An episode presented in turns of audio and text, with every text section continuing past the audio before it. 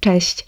Z tej strony Julia Ziółkowska, a to jest Live Better Podcast, czyli podcast, w którym rozmawiamy o świadomym życiu, zrównoważonej modzie, ekologii, zdrowiu psychicznym, self-care, self-love i generalnie o wszystkim, co ważne. A dzisiaj chciałabym opowiedzieć Wam o moich rytuałach i nawykach, za pomocą których dbam o siebie. I podzieliłam te nawyki na dwie kategorie fizyczne i psychiczne. Chociaż muszę przyznać, że ten podział jest nieco sztuczny, bo przecież nawyki są holistyczne, przeplatają się ze sobą i działają na wiele aspektów naszego życia, więc uznajmy, że ten podział jest tylko dla porządku, a każdy nawyk działa dobrze na całokształt. Słuchajcie, miło mi, że znowu mogę siedzieć przed tym mikrofonem i do Was mówić, chociaż przyznam, że po dłuższej przerwie niż planowałam. Prawda jest taka, że chciałabym, żeby podcast ukazywał się raz na tydzień, w piątki, i do tego dążę. E, ale mam wrażenie, że czas przecieka mi przez palce, ja mrugam i już jest miesiąc później. No cóż, myślę, że wiele z Was też tak ma. E, chciałabym nagrywać częściej także z tego powodu, że podcast to w sumie zdecydowanie moja ulubiona forma komunikacji z Wami. E, czuję się naprawdę dobrze. Tak siedząc i mówiąc do Was, i wiedząc, że możecie usłyszeć mój głos, moje emocje, y, że te słowa będą Wam to, towarzyszyć w ciągu dnia przez kilkanaście czy kilkadziesiąt minut w trakcie różnych czynności. W ogóle dla mnie osobiście podcast jest taką, takim ożywczo świeżym medium, zupełnie innym niż inne media, w których działam.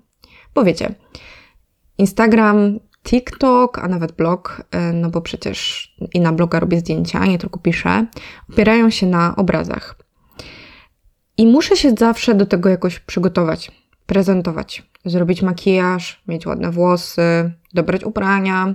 Wszystko musi do siebie pasować, odpowiednio wyglądać. E, I nie ukrywam, że jest to często męczące, bo naprawdę chciałabym po prostu czasem pójść na spacer, ubrać się byle jak, w ogóle nie myśleć o tym, co do siebie pasuje i czy moje włosy dzisiaj wyglądają dobrze, a praktycznie codziennie niestety przygotowuję jakiś content i po prostu muszę się prezentować. I może część z Was teraz pomyśli, że nie, wcale nie muszę się zawsze prezentować i przesadzam yy, i, i dowodzę, że social media to gra pozorów. No i słuchajcie, macie rację, jeśli tak myślicie, yy, bo tak jest. I w mojej głowie jest to nadal ogromny temat do przepracowania, y, i nie wiem, czy kiedykolwiek zyskam taką swobodę, że będę sobą zawsze. No a podcast jest właśnie o tyle komfortowy, że mogę nagrywać kiedy chcę. Mogę go nagrywać w piżamie, bez makijażu, w nieumytych włosach, z łóżka, y, jeśli tylko będę miała taką fantazję. I na maksa podoba mi się ta szczerość, prostota, dosłowność, no fantastyczne. Więc myślę, że rozumiecie moją miłość do podcastów i mam nadzieję, że naprawdę uda mi się nagrywać je częściej, bo chciałabym, żeby pojawiały się zdecydowanie częściej niż raz na miesiąc. Ale dobrze, do meritum, bo ten temat, ten odcinek będzie generalnie i tak długi i nie chcę się rozgadywać nie na temat. I słuchajcie, wiem, że obiecałam odcinek o terapii, jako następny i on jest w trakcie przygotowania. I muszę przyznać, że nie idzie mi z nim tak łatwo, jak y, myślałam, bo staram się po pierwsze ważyć każde słowo, sprawdzać każdą informację, bo wiecie, depresja i terapia to są jednak tematy bardzo delikatne i naprawdę trudne. Poza tym, to jest też temat, który dotyka bezpośrednio mnie i ja sobie muszę dużo rzeczy przemyśleć i poukładać.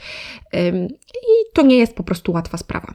A jako, że chciałam już coś nagrać i nie przeciągać, to stwierdziłam, że zabiorę się za temat taki nieco pokrewny, ale trochę lżejszy, czyli właśnie self-care, czyli takie nawyki i rytuały, za pomocą dbam o całą siebie, o swoje ciało, o dobrostan psychiczny, o umysł, duszę, wszystko, mówiąc tak patetycznie.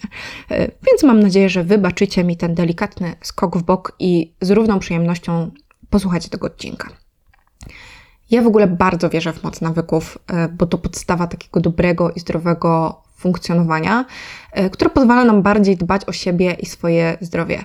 Ja muszę przyznać, że jestem wdzięczna bardzo moim rodzicom za to, że ja od zawsze byłam wychowana w zdrowych nawykach. bo ja nie muszę się zastanawiać nad większością rzeczy, z którymi wiem, że wiele osób ma, ma problem. Dla mnie picie dwóch litrów wody jest oczywistością, unikanie słodkich napojów, wysiłek fizyczny jest też oczywisty, ale mimo wszystko jestem też tylko człowiekiem i muszę pewne rzeczy sobie wypracować. Więc zapraszam Was do wysłuchania, jakie są moje nawyki i rytuały. I podzieliłam je właśnie na nawyki, jako że to są rzeczy, nad którymi ja się nie muszę czasem zastanawiać, które robię tak odruchowo jak mycie zębów, ale też rytuały, bo to są rzeczy, które robię raz na czas jakiś, kiedy chcę się poczuć wyjątkowo, chcę się poczuć taka zaopiekowana, y, zadbana i chcę, żeby zwykła chwila urosła do rangi święta. I słuchajcie, taki ważny disclaimer, bo chciałabym, żeby ten podcast był okazją do zainspirowania się. Po prostu do zastanowienia się, czy którąś z tych rzeczy możecie wprowadzić do swojego życia, ale nie chciałabym, żeby ktokolwiek porównywał się po tym podcaście i stwierdził, że na przykład robi o wiele mniej niż ja, że robi za mało, że robi niewystarczająco. Nie o to chodzi. Wszyscy mamy inne tryby życia, inne zasoby i inne możliwości, ok? I nie chciałabym, żeby ktokolwiek poczuł się gorzej po przesłuchaniu tego odcinka. Także mam nadzieję, że tak się stanie i że to będzie odcinek pełen pozytywnych emocji. No dobrze, zacznijmy więc. Może od tej warstwy fizycznej, bo mam wrażenie, że będzie to taka łatwiejsza do omówienia część, mimo że chyba nie szybsza, bo tych nawyków fizycznych mam jednak zdecydowanie więcej niż psychicznych. Pierwszy nawyk, o którym chciałabym Wam opowiedzieć, to jest chyba jedyny nawyk, który ja mam tak naprawdę silnie zakorzeniony i bez którego nie umiałabym funkcjonować, e, bo jest w moim życiu od tylu lat. I słuchajcie, to jest poranne picie ciepłej wody ze startym imbirem, z cytryną i z miodem. I wiem, że to może brzmieć trochę dziwnie, jako że to jest taki mój najtrwalszy nawyk, ale jakoś tak się złożyło, e, że ja już 8 lat temu zaczęłam pić taką wodę o poranku, gdy bolało mnie gardło, i ona tak bardzo mi zasmakowała, że ja po prostu nie wyobrażam sobie bez tego życia.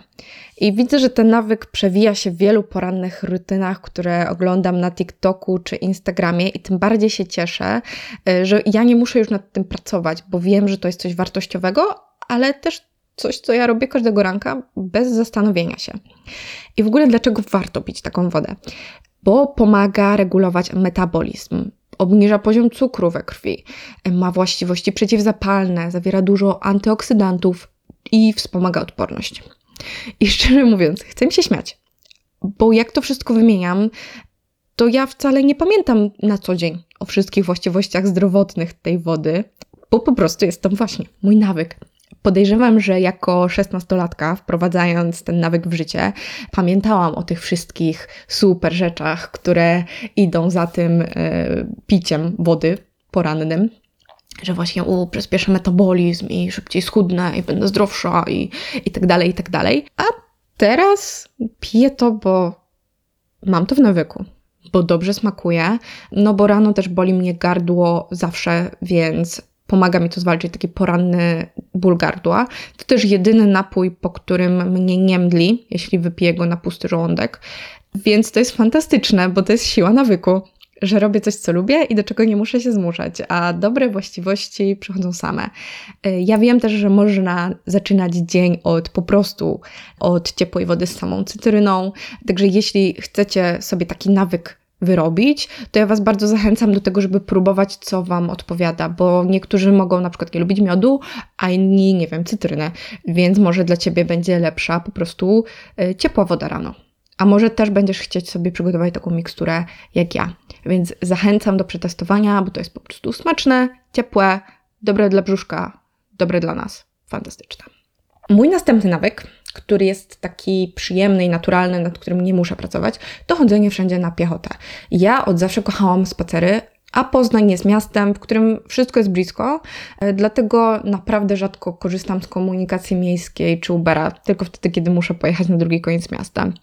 I w taki sposób z łatwością zaliczam takie zalecane 10 tysięcy kroków dziennie i nie muszę się w ogóle nad tym zastanawiać, że o, dzisiaj mało chodziłam, czy muszę iść specjalnie na jakiś spacer. Ale jeśli nie mam właśnie danego dnia potrzeby, żeby pójść na jakieś zakupy, czy załatwić coś w centrum miasta, to po prostu wychodzę na spacer, żeby zażyć ruchu, żeby przewietrzyć głowę. Uwielbiam to, bo potrzebuję takiego oczyszczenia, e, zostania sam na sam ze swoimi myślami, oderwania się od ekranu. Lubię sobie wtedy posłuchać podcastu, albo puścić sobie taką super muzykę, do której się w ogóle świetnie bawię sama ze sobą w swojej głowie, wiecie, just vibing, idę, jest pięknie, albo nie jest pięknie, ale jest świeże powietrze i ja mogę po prostu być sama ze sobą. Więc bardzo Was zachęcam, żeby właśnie sobie pomyśleć, czy nie mijacie okazji, gdy możecie pójść gdzieś na piechotę, bo może warto by było pomyśleć następnym razem, że zamiast przejechać 15 minut tramwajem, to jeśli macie czas, żeby przejść sobie 30 czy 40 minut na piechotę, właśnie z słuchawkami w uszach i się po prostu trochę poruszać. Um, bo wydaje mi się, że to jest po prostu najłatwiejszy sposób na ruch i też podobno dla nas najzdrowszy. I że też do spacerów o wiele łatwiej chyba się przekonać niż do rozłożenia maty i mm, ćwiczenia. Tak mi się wydaje przynajmniej. No dobra, ale powiedziałam już o tej macie, o tym rozkładaniu maty, więc może zostajmy przy tym temacie, bo jeśli śledzicie moje stories na Instagramie dosyć regularnie, to pewnie wiecie, że stałym elementem mojego życia jest yoga. I może nie takim stałym, żeby to był aż taki super codzienny nawyk, ale jest to rzecz, która zdecydowanie przewija się przez moje życie od wielu lat. Bo ja swoją przygodę z jogą zaczęłam już jako nastolatka. Chociaż przyznam, że na początku yoga strasznie mnie nudziła, bo sport kojarzył mi się, wiecie, że musi być wysiłek, musi być zmęczenie, napięcie mięśni, rywalizacja, żeby to miało sens. A yoga była dokładnym przeciwieństwem tych rzeczy. I słuchajcie, ja nie wiem, czemu ja się tak zaparłam na jogę, skoro średnio mi odpowiadała, ale fakt faktem, że mając 18 czy 19 lat, starałam się naprawdę tę jogę codziennie rano y, ćwiczyć, szczególnie w wakacje. Dosłownie takie rozłożenie maty na 5 minut i porozciąganie się przed pracą. I ja wtedy pracowałam w takiej cukierni i musiałam wstawać o 5 czy o 5.30 i nie miałam czasu, ani ochoty zresztą, na dłuższe sesje, ale te proste poranne 5 minut starczyło, żeby zasiać już we mnie to ziarno, które potem kiełkowało i chciałam więcej, miałam ochotę na więcej. Więc stopniowo ten czas praktyk zaczął się wydłużać, a ja zaczęłam też odkrywać różne style jogi. Poszłam do studia jogi i zaczęłam odkrywać w jodze siebie i to, jak ja mogę dopasować ruch do tego, czego w danej chwili potrzebuje moje ciało. I na przykład wiosną i latem uwielbiam wstać wcześnie rano i praktykować energiczną winiasę, bo jest to dla mnie takie wyzwanie, które pobudza krążenie, dodaje energii. Ja się mogę spocić, zmęczyć i właśnie tak wyżyć w tej jodze. Ale gdy nie mam siły, gdy jestem super zmęczona, albo jesienią i zimą, gdy rytm życia naturalnie spowalnia, ja wybieram zupełne przeciwieństwo winiasy, czyli in jogę, która skupia się na takim bardzo głębokim rozluźnianiu mięśni, że w jednej pozycji spędza się około dwóch czy trzech minut i jest to taki bardzo powolny, głęboki styl jogi. No i ja niestety, ale jogę mogę zakwalifikować, stety, niestety, jako rytuał bardziej niż nawyk. Gdy rozkładam matę, robię to, wiecie, z pełnym namaszczeniem. Włączam wtedy mój dyfuzor zapachowy albo odpalam Palo Santo czy zapalam świeczki. Wyłączam wszystkie rozpraszacze, zakładam słuchawki i staram się skupić tylko i wyłącznie na chwili obecnej. No i dlaczego powiedziałam stety, niestety? No dlatego, że chciałabym, żeby to było codziennie. Że mimo, że fajnie, że to jest ten rytuał, to chciałabym, żeby to był taki rytuał, nawyk, który rzeczywiście y, mam we krwi. Rok temu, gdy zaczęła się pandemia, to praktykowałam jogę codziennie, przez trzy miesiące, codziennie rano przed pracą. I to było coś absolutnie fantastycznego, bo takie poświęcenie pół godziny samej sobie zaraz po wstaniu sprawiało, że ja się czułam naprawdę cały dzień potem spokojniejsza, szczęśliwsza, bardziej energiczna. I serio muszę do tego wrócić, bo obecnie yoga jest czymś takim doraźnym, kiedy ja czuję, że potrzebuję tej formy ruchu gdy czuję, że potrzebuję połączenia z samą sobą, takiej medytacji, pracy nad oddechem, ale uważam, że to jest coś, czego ja powinnam, czego ja potrzebuję codziennie. Więc serio chciałabym wrócić do tego, żeby yoga była jednocześnie nawykiem i rytuałem. Żeby te wszystkie dobre właściwości jogi nie były traktowane tylko doraźnie, ale właśnie jako coś, co codziennie pojawia się w moim życiu i procentuje. Jak jesteśmy przy aktywności fizycznej, to jeszcze przy aktywności fizycznej zostajmy, bo kolejny nawyk, który ja staram się z powrotem wprowadzić w życie, to jest codzienny sport. I nie wiem, czy wiecie, ale ja pochodzę z bardzo sportowej rodziny i tego sportu w moim życiu było zawsze bardzo dużo. Od dziecka trenowałam różne rzeczy, a jako nastolatka trenowałam sama w domu po 6 czy 7 razy w tygodniu. To był pilates, to były biegi czy rozciąganie się.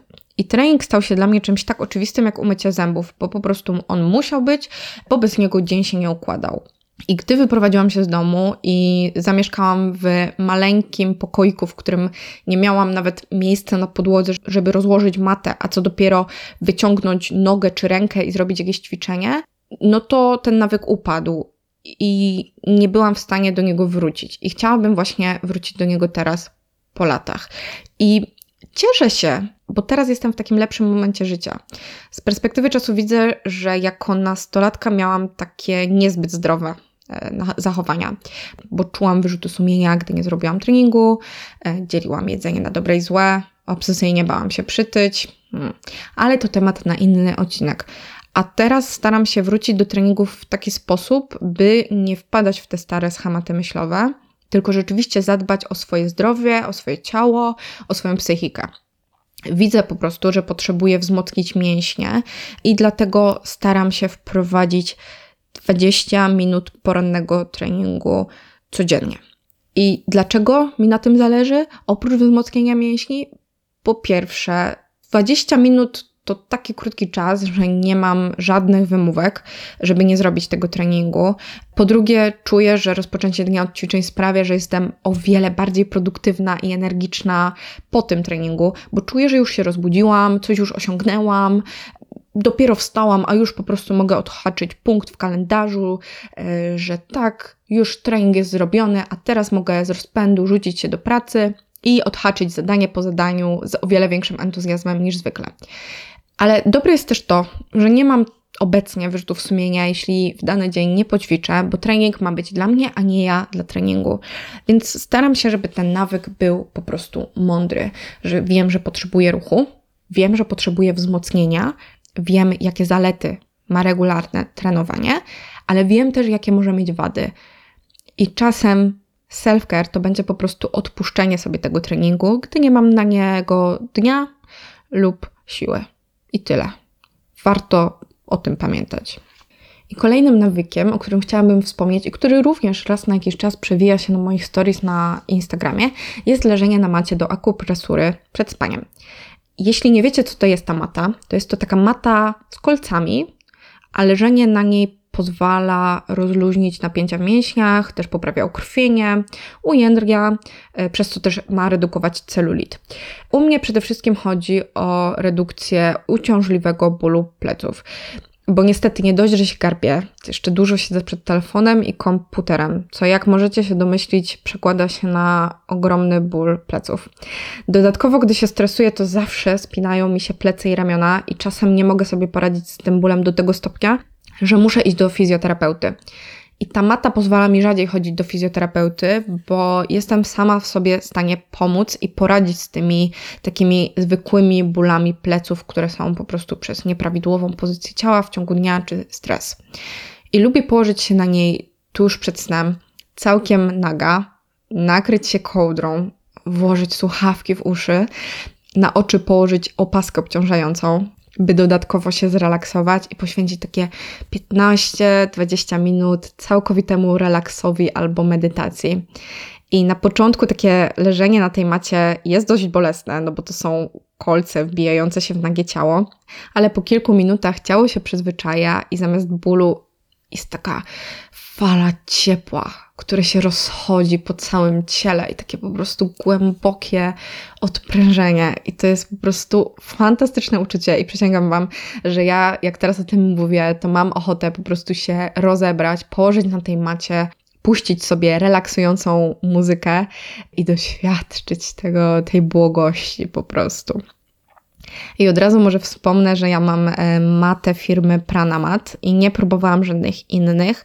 Wiem, że ona jest dosyć droga w stosunku do innych, bo na Allegro można kupić za jakieś 100 zł, a, a ta, którą ja mam razem z poduszką kosztuje chyba około 600 czy 500, ale ja nie próbowałam innych, więc nie będę mówić, czy działa tak samo, czy inaczej. Ja mogę jedynie powiedzieć, że ja jestem z niej bardzo zadowolona, bo została wyprodukowana z ekologicznych materiałów i uważam, że to była fantastyczna inwestycja w moje zdrowie. Chciałabym częściej używać tej maty. Kiedyś rzeczywiście był to wieczór w wieczór, teraz jest to trochę rzadziej. Y, chciałabym też siedzieć na tej macie podczas pracowania, no bo tak jak wspomniałam na początku, ona pomaga zredukować celulit. No więc słuchajcie, jak mogę sobie na tym siedzieć i klepać maile na komputerze, no to dlaczego nie? E, więc niech się po prostu zrobi cieplej, bo na razie jak siedzę w domu w grubym dresie, to wiadomo, że to nie do końca ma ręce i nogi, ale jak już będę mogła nosić sukienki czy krótkie spodenki, to na pewno będę też pracować siedząc na tej macie i korzystać z jej dobroczynnych właściwości. Ok, zostajmy jeszcze na chwilkę przy temacie dbania o ciało. I następnym nawykiem jest coś, o czym na pewno wiele z Was słyszało, i to jest szczotkowanie ciała na sucho. I ja jestem ogromną zwolenniczką tego nawyku, uwielbiam to i szczotkuję ciało codziennie wieczorem przed spaniem. E, najczęściej sobie czytając w międzyczasie jakąś książkę, żeby połączyć przyjemne z pożytecznym, bo jakbym miała szczotkować ciało tak bez niczego, nie robiąc nic, to po prostu bym się zanudziła i na pewno nie wytrwałabym przy tym nawyku, a tak to sobie leżę na boczku, czytam sobie książkę, drugą e, ręką szczotkuję sobie nogi i jest fantastycznie. I generalnie ja szczotkuję całe ciało od dołu do góry okrężnymi ruchami i idę od stóp, poprzez łydki, kolana, uda, pośladki, potem przechodzę przez brzuch i ramiona i dekolt i następnie wspanowuję w ciało krem lub jakiś olejek, które mi nawilżą tę skórę. I taki zabieg co robi? Wspomaga złuszczenie na skórka i sprawia, że skóra jest taka mega, mega gładka, no taka pupka niemowlaka, jest jedrniejsza, bardziej nawilżona i serio po takim jednym tygodniu regularnego szczotkowania i nawilżania moja skóra jest po prostu jak aksamit. Rewelacja. I koszt taki nawet czasowy jest przecież niewielki, bo wystarczy na 15 minut usiąść ze szczotką, włączyć sobie serial, filmik na YouTubie albo wziąć książkę tak jak ja, poszczotkować się, nawet nie myśląc o tym, i na końcu po prostu nakremować ciało jakimś takim bogatym balsamem. Jest to bardzo przyjemny i efektywny nawyk, który łatwo wprowadzić w życie i mega szybko widać efekty. Więc wydaje mi się, że to jest też coś, co każdy może robić, bo te szczotki do szczotkowania ciała nie są drogie. Można kupić nawet w Rossmanie taką za 15 zł. Oczywiście jakość będzie nieco gorsza, ale moim zdaniem w niczym to nie przeszkadza i po prostu codziennie rano przed spaniem albo przed prysznicem, jak tam Wam wygodnie, wyszczotkować całe ciało, nakremować się i po prostu cieszyć się gładkością skóry. Ok, słuchajcie, jesteśmy przy końcówce nawyków fizycznych. I ostatnim nawykiem, o którym chciałabym wspomnieć w tej kategorii jest picie maczy.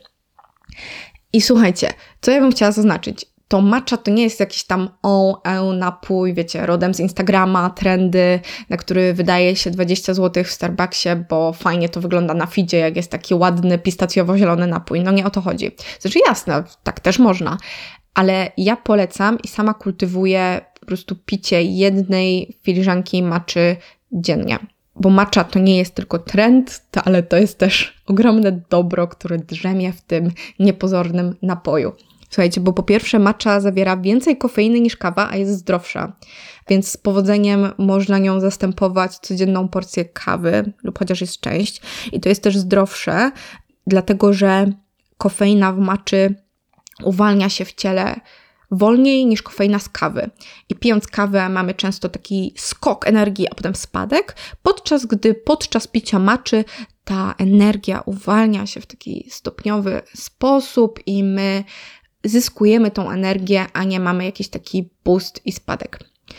Poza tym, matcha to sproszkowana zielona herbata bardzo wysokiej jakości. To są młode liście, bardzo takie intensywnie zielone, więc jak możecie się domyślić, jest pełna antyoksydantów i ma działania przeciwzapalne, przeciwwirusowe, e, zwiększa poziom energii, a jednocześnie relaksuje i uspokaja.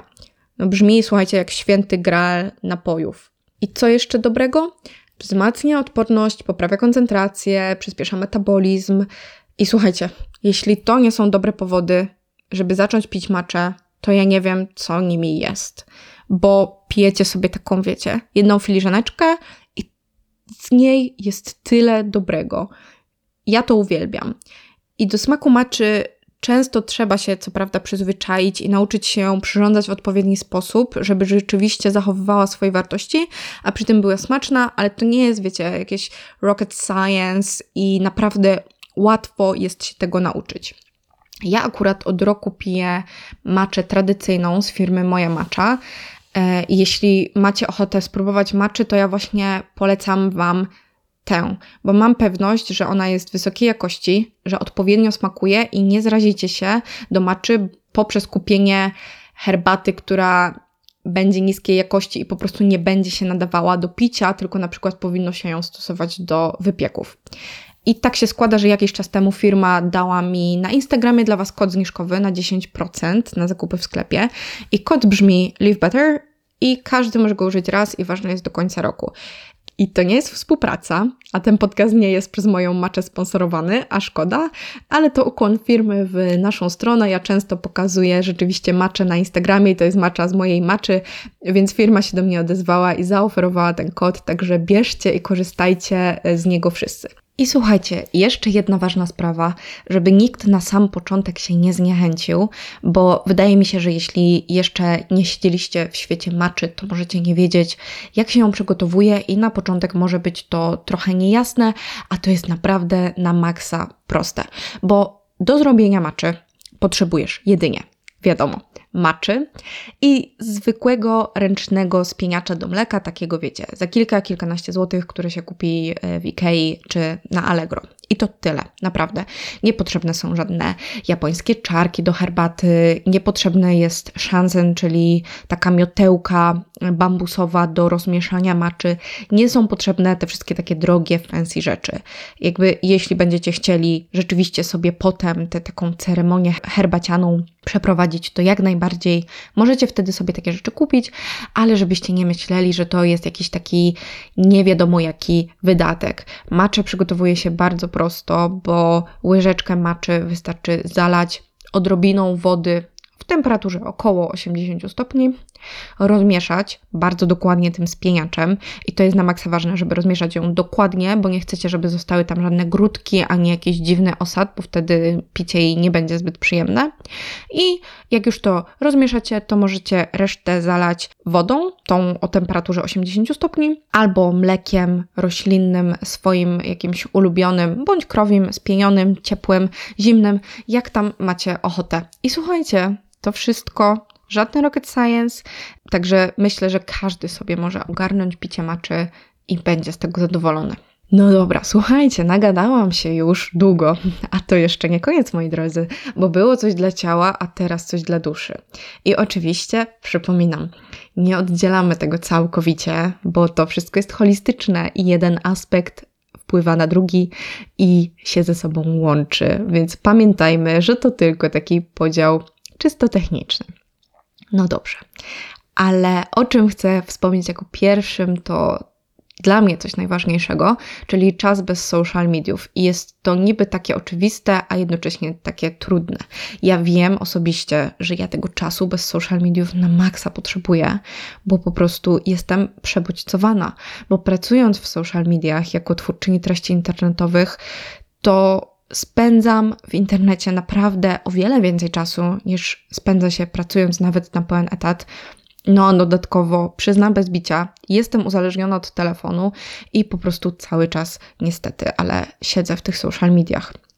I trochę wstyd mi się przyznać, mimo że zakładam, że nie tylko ja mam ten problem i że wiele z Was również go ma, ale to nie jest coś, do czego przyznaję się z dumą.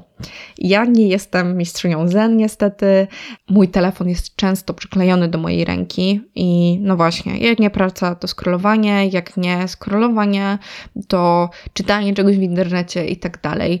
I jestem tym po prostu naprawdę zmęczona zacierają mi się granice między pracą a czasem wolnym i w zasadzie ich nie ma i po prostu mój mózg boli. Mój mózg jest wypchany watą, tak się czuję, oczy mnie bolą i jestem super zmęczona. Więc naprawdę ten czas offline jest po prostu dla mnie świętością i jest mi na maksa potrzebny. I co ja ostatnio zaczęłam robić, to wprowadziłam sobie takie minimum pół godziny przed spaniem, które ma być kompletnie bez social mediów. I słuchajcie, ja sobie zdaję, że to może brzmieć kuriozalnie, że wow, mm, też mi postanowienie 30 minut bez social mediów. Ale słuchajcie, dla mnie to jest dosyć ważny krok, bo wcześniej tego nie robiłam i jest mi to na maksa potrzebne. I gdy mam takie przynajmniej pół godziny bez social mediów przed spaniem, to mogę się wyciszyć, mózg przestaje mi pracować na takich mega szybkich obrotach, nie mam aż tak tylu skojarzeń i tylu po prostu nurtów świadomości. I wtedy sobie poświęcam ten czas na to, żeby poleżeć na pranomacie, żeby poczytać książki i wreszcie dzięki temu zaczęłam czytać rzeczywiście dużo książek przez głupie odstawienie telefonu 30 minut przed spaniem. Szczotkuję sobie wtedy ciało na sucho, y, medytuję i po prostu się wyciszam i przestaję już myśleć o tym, co się dzieje w tym internecie, a zaczynam skupiać się na samej sobie. I w przyszłości, miejmy nadzieję niedalekiej, chciałabym też wprowadzić poranki bez internetu. I wyobrażam sobie, że wiecie, to będzie taki cudowny, slow poranek, że wstaję, myję się, robię trening, e, praktykuję jogę i potem mam sobie jeszcze taką spokojną chwilę czasu, gdzie mogę sobie poczytać, albo popisać w codzienniku czy, czy w jakimś notesie i nie rozpraszać się social mediami. I wiem, że jest to na maksa ważne i wiem, że byłabym wtedy o wiele bardziej energiczna, mniej zestresowana, spokojniejsza, bardziej skupiona. Więc jest to taki nawyk, na którym ja na maksa chcę się skupić i jestem dobrej myśli i naprawdę obiecuję mocno się za to zabrać i będę relacjonować, jak mi to wychodzi. I polecam Wam też przemyśleć sobie, kiedy w ciągu dnia możecie zrobić sobie taki czas offline. Może właśnie warto pójść na spacer bez telefonu, albo nie używać telefonu przez konkretny czas w ciągu dnia, na przykład właśnie tak jak ja, 30 minut przed spaniem, albo 30 minut po wstaniu, albo w ogóle wprowadzić weekendy offline, jeśli jesteście hardkorami.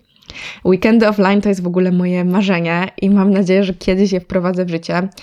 Jeśli kiedykolwiek osiągnę work-life balance i przestanę wtedy pracować w weekendy, i sobie też to tak wyobrażam, po prostu, że będę miała takie wreszcie dni, które będą długie, wypełnione jakimiś takimi aktywnościami, na które w teorii nigdy nie mam czasu ani ochoty, na przykład pieczenie, gotowanie, praktykowanie jogi, treningi, czytanie itd. Tak I wydaje mi się, że po prostu zaczęłabym wtedy rzeczywiście odpoczywać w te weekendy, zamiast bezmyślnie scrollować i wypełniać ten czas jakimiś bzdurami w internecie ale to jeszcze przede mną. Tak jak mówiłam, najpierw muszę ogarnąć to tak, żeby przestać pracować w weekendy, a potem będę myśleć o czasie offline również w weekendy. I jestem bardzo ciekawa, jak to u Was jest, więc koniecznie dajcie mi znać gdzieś w komentarzach albo w wiadomościach na Instagramie, czy taki czas offline jest dla Was problematyczny, czy nie. Czy celowo wprowadzacie taki czas w swoje życie, czy macie zamiar? Ja jestem naprawdę strasznie ciekawa, czy ja jestem takim beznadziejnym przypadkiem, że jest dla mnie problem, czy wy też tak macie i chcecie coś zmienić. Także dajcie znać. Następną rzeczą, o której chciałam opowiedzieć, jest medytacja. I słuchajcie, ja naprawdę bardzo chciałabym powiedzieć, że to jest mój nawyk, ale tak nie jest i nigdy nie było. Medytacja, szczerze mówiąc, nigdy nie kojarzyła mi się z czymś takim specjalnie pociągającym i przyjemnym. A wiadomo, że ciężko nam zabrać się do rzeczy, które kojarzą się z wysiłkiem. I dla mnie takim początkiem medytacji była yoga, bo w naturalny sposób wymuszała tę medytację, bo podczas praktyki Muszę skupić się na oddechu, na danej pozycji, asanie, na tym, w jaki sposób odczuwam je w moim ciele, co powinnam zmienić, na co moje ciało mi pozwala. I zauważyłam, że mimo, że w czasie jogi nadal mam dużo takich randomowych myśli, to jednak jestem o wiele taka spokojniejsza i bardziej skupiona na swoim ciele niż normalnie. I dlatego bardzo lubię medytować bezpośrednio po praktyce jogi, gdy mam już wyciszony umysł i nie muszę w tą medytację tak wpadać z takiego biegu w ciągu dnia. Chciałabym też dodać, że ja nie umiem medytować w taki sposób, że sobie po prostu siadam e, na macie w pozycji lotosa i medytuję. Ja korzystam zawsze z medytacji prowadzonych, dostępnych na YouTubie, bo inaczej nie umiem się po prostu skupić. A w takich medytacjach prowadzonych bardzo pomaga mi to, że jest jakaś delikatna muzyka w tle, że jest jakiś prowadzony komentarz, który kieruje moje myśli na odpowiednie tory. I najczęściej medytuję z Gosią Mostowską albo z Boho Beautiful na YouTubie, czyli w wersji polskiej lub angielskiej, ale możliwości generalnie jest wiele. Są nawet specjalne aplikacje do medytacji, ja kojarzę Headspace, także jeśli szukacie medytacji prowadzonej, to na pewno łatwo jest znaleźć coś dla siebie. I znowu, tutaj również jest ważna metoda małych kroków. Ja nie szarpałam się od razu na jakieś 30-minutowe medytacje i zresztą nadal tego nie robię, mimo że medytuję już dosyć od dawna, bo czuję, że to nie jest mój poziom i najczęściej medytuję sobie tak od 5 do 10, może 15 minut i spędzam ten czas leżąc na macie do jogi albo na mojej macie do akupresury, bo w taki sposób najwygodniej mi się medytuje i nie zmuszam się do tego, żeby specjalnie siedzieć jakoś tam po turecku czy w pozycji lotosa, bo wtedy wiem, że w życiu nie skupię się na moich myślach, tylko będę się skupiać na tym, jak jest mi niewygodnie i jak bardzo bolą mnie plecy. I w ogóle dlaczego ja lubię medytować? Bo może, bo chyba to jeszcze nie wybrzmiało, a to jest ważne. Taka medytacja obniża poziom stresu i pogłębia mój płytki oddech, opróżnia mi głowę i po prostu sprawia, że ja wreszcie mogę odetchnąć. I to jest też bardzo powiązane z tym, o czym mówiłam wcześniej, czyli z czasem w social mediach i z przebodźcowaniem. I taka medytacja jest po prostu idealnym lekarstwem na takie zmęczenie umysłowe.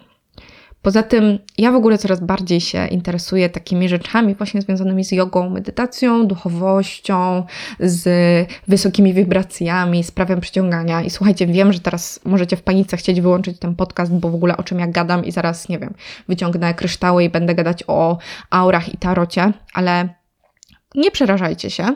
Ja Was rozumiem, bo w taki sposób kiedyś też reagowałam na tego typu tematy, ale teraz uważam, że takie podejście właśnie duchowe jest bardzo bliskie ludzkiej naturze i nie chodzi mi właśnie o, o jakąś magię czy jakieś zakorzenienie nawet w innych religiach, tylko po prostu na takie życie w zgodzie ze sobą, w zgodzie z naturą, w zgodzie z własnym umysłem i po prostu, żeby być takim szczęśliwym, spokojnym człowiekiem. I ta medytacja bardzo mi w tym pomaga.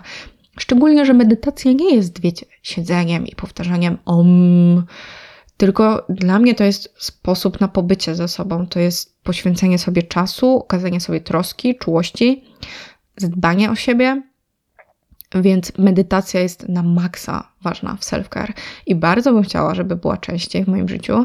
No i zobaczymy, jak mi to pójdzie. Na razie jest to tak dosyć doraźnie, ale wiecie, może kiedyś będzie to częściej. A z kolei moim najnowszym nawykiem a raczej nawykiem, który próbuję utrwalić, jest journaling. I od dawna słyszałam o pozytywnych aspektach journalingu, czyli takiego pisania o czymkolwiek, pisania intuicyjnego, żeby wyrzucić myśli z głowy i po prostu dać się porwać strumieniowi świadomości. To często się przewijało też w jakichś rutynach na YouTubie, w jakichś takich y, morning miracles, że się robi jakieś tam po kolei rzeczy, żeby ten poranek był taki po prostu idealny, ale dosyć ciężko było mi się do tego zabrać. Jakoś nie miałam motywacji. Ale ostatnio kupiłam codziennik Karoliny Sobańskiej i uprawiam taki quasi journaling. Co to w ogóle jest ten codziennik? E, to taki notes stworzony przez Karolinę Sobańską, czyli twórczynię internetową, która w internecie porusza tematy takie jak świadome życie, ekologia, weganizm itd. Tak oraz Małgorzaty Majewskiej-Tomasik, e, psychoterapeutki. I codziennik zawiera 365 pytań na cały rok, które mają pomóc poznać i zrozumieć samego siebie, ruszyć do przodu na swojej życiowej ścieżce i generalnie opiera się właśnie o psychoterapię i psychologię pozytywną. I nie chcę się tu rozwodzić nad samym codziennikiem, bo, bo to nie o niego tu chodzi, tylko o nawyk. Pewnie o tym kiedy indziej opowiem więcej, ale przyznam, że ten produkt bardzo pomaga mi usystematyzować pisanie. Bo z jednej strony wydaje mi się, że łatwiej mi odpowiedzieć codziennie na konkretne pytanie i wiadomo wtedy, o czym się chce napisać, w jakim kierunku ruszyć, nie trzeba szukać żadnego tematu w głowie. Z drugiej strony, codziennik jest czymś trudniejszym niż journaling, bo journaling jest to pisanie intuicyjne, to jest strumień świadomości, także można napisać wtedy cokolwiek, na przykład, nie wiem, że zjadłabym dzisiaj lody, a w ogóle to świeci słońce i mam ochotę wyjść na spacer. Z kolei codziennik to narzędzie o działaniu terapeutycznym. Jest więc trudniej, bo trzeba rzeczywiście w ten w odpowiedź włożyć pewien wysiłek, rzeczywiście pomyśleć. I niektóre pytania sprawiają naprawdę spory problem, bo wymagają takiego zanurzenia się w głębsze warstwy siebie i poszukiwania odpowiedzi, która często sprawia dyskomfort. Potrzeba zanurzyć się w głębsze warstwy świadomości i czasem odpowiadać na pytania, które wcale nie wzbudzą przyjemnych emocji. Ale coś za coś. Uważam, że taki codziennik jest całkiem niezłym wsparciem w terapii, na którą chodzę i bardzo sobie to cenię. Ja piszę zazwyczaj po wstaniu lub przed pójściem spać, żeby nie rozpraszać się social mediami i powiadomieniami. E, chcę wtedy tak uspokoić myśli i właśnie zrobić coś takiego mindful na początek lub na koniec dnia. I ja w ogóle kocham pisać, strasznie kocham pisać, szczególnie ręcznie, e, więc cieszę się, że w końcu mam okazję do tego wrócić. A w dodatku posiadam takie narzędzie, czyli codziennik, który przeprowadza mnie przez ten proces dzień po dniu. I wiecie, tak sobie wyobrażam, że po prostu za rok usiądę w tym kwietniu, jak skończę te 365 pytań, będę mogła spojrzeć wstecz po prostu na tę podróż, którą przeszłam i porównać siebie z teraz i siebie sprzed roku.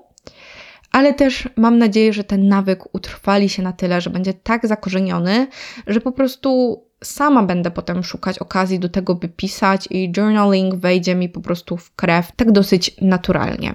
Więc mam nadzieję, że jedno będzie powiązane z drugim i journaling będzie po prostu częścią mojej takiej codziennej rutyny. Ok, moi drodzy, jesteście jeszcze ze mną. Słuchajcie, już ostatni nawyk przed nami, już zmierzamy do końca. I chciałabym powiedzieć o manifestacjach i afirmacjach. I gdy mówię o manifestacjach, to mam na myśli wyobrażanie sobie takiego mojego wymarzonego życia. Pisanie o nim w czasie teraźniejszym, jakby moje marzenia już się spełniły, a cele zostały osiągnięte. Dlaczego ja to robię? Ja uważam, że umacnia to taką moją wiarę w siebie i sprawia, że mam większą motywację, by dążyć do tych celów po prostu. I ja też wierzę bardzo w prawo przyciągania i w zasadę if you can dream it, you can do it. I w moim życiu prawo przyciągania działa ciągle. Co chwilę zdarzają mi się sytuacje, że gdy o czymś pomyślę, to staje się rzeczywistością i Taka, taki prosty przykład. Pamiętam, jak szłam sobie kiedyś na zajęcia, na studia, była wczesna wiosna i myślałam o tym, że muszę sobie kupić trench. Bardzo intensywnie o tym myślałam, rozważałam, skąd sobie mogę kupić ten trench, że on jest mi potrzebny. A dosłownie 15 minut później, jak już doszłam na zajęcia, to dostałam na maila propozycję współpracy z marką produkującą trencze. Więc takie sytuacje zdarzają mi się mega często i uważam, że często manifestujemy przyszłość zupełnie mimowolnie, bo przecież bardzo często myślimy o jednym i to się potem zdarza. Więc w sumie, dlaczego nie zrobić tego bardziej świadomie i dlaczego sobie trochę nie pomóc? I ja bardzo lubię zapisywać moje marzenia, cele czy wizje na przyszłość w formie zdań oznajmujących w czasie teraźniejszym. I czasem są to takie zupełnie małe rzeczy, w stylu codziennie rano praktykuję jogę albo wstaję przed dziewiątą rano. A czasem są to jakieś takie większe marzenia w stylu mieszkam w Toskanii w pięknym, dużym domu, albo prowadzę jakąś tam swoją firmę na przykład. I ja też lubię manifestować poprzez tworzenie tablicy na Pinterestie, e, która tak zobrazuje moje życie takie, jakie chciałabym prowadzić i bardzo lubię je przeglądać, żeby przypomnieć sobie, na jakim życiu mi zależy i w jakim kierunku chcę iść. I na przykład, gdy przeglądam sobie tablicę związaną z, ze zdrowiem i z ciałem, to widzę, że chciałabym być taką osobą aktywną, która je rzeczywiście dużo warzyw, e, pije dużo wody, żyję aktywnie i jakoś tak łatwiej mi jest wtedy to wprowadzić w życie, kiedy ja to widzę po prostu na zdjęciach i sobie myślę wtedy, hej, też tak chcę, zróbmy to. No więc to jest takie wspomaganie mojej przyszłości, które uważam, że nawet jeśli nie pomoże, a moim zdaniem pomoże, to na pewno nie zaszkodzi. A jeśli chodzi o afirmację, to hmm, jest to taka manifestacja poprzez mówienie sobie komplementów. Tak mówiąc najprościej. Ale właśnie takich, które chciałabym wprowadzić w życie. To chodzi o taką Chodzi o sposób, w jaki chcę siebie postrzegać i chcę być postrzegana przez innych. Czyli na przykład afirmacją będzie: Jestem silna, jestem stanowcza, stawiam swoje granice, jestem szanowana przez innych ludzi, jestem fantastyczną szefową, jestem dobrą partnerką, jestem piękna, jestem bogata, mam empatię i wrażliwość w sobie. I to są właśnie przykłady afirmacji. I właśnie dlaczego jest to powiązane z manifestacją? Bo to też trochę rodzaj takiego zaklinania rzeczywistości, bo niekoniecznie to, co sobie mówisz, musi w Twojej opinii być prawdą, tylko to jest coś, co chce się po prostu zrealizować, co chce się widzieć w sobie. Moim zdaniem takie afirmacje podnoszą samoocenę, wzmacniają poczucie własnej wartości i właśnie pomagają mi stać się osobą, jaką chcę być.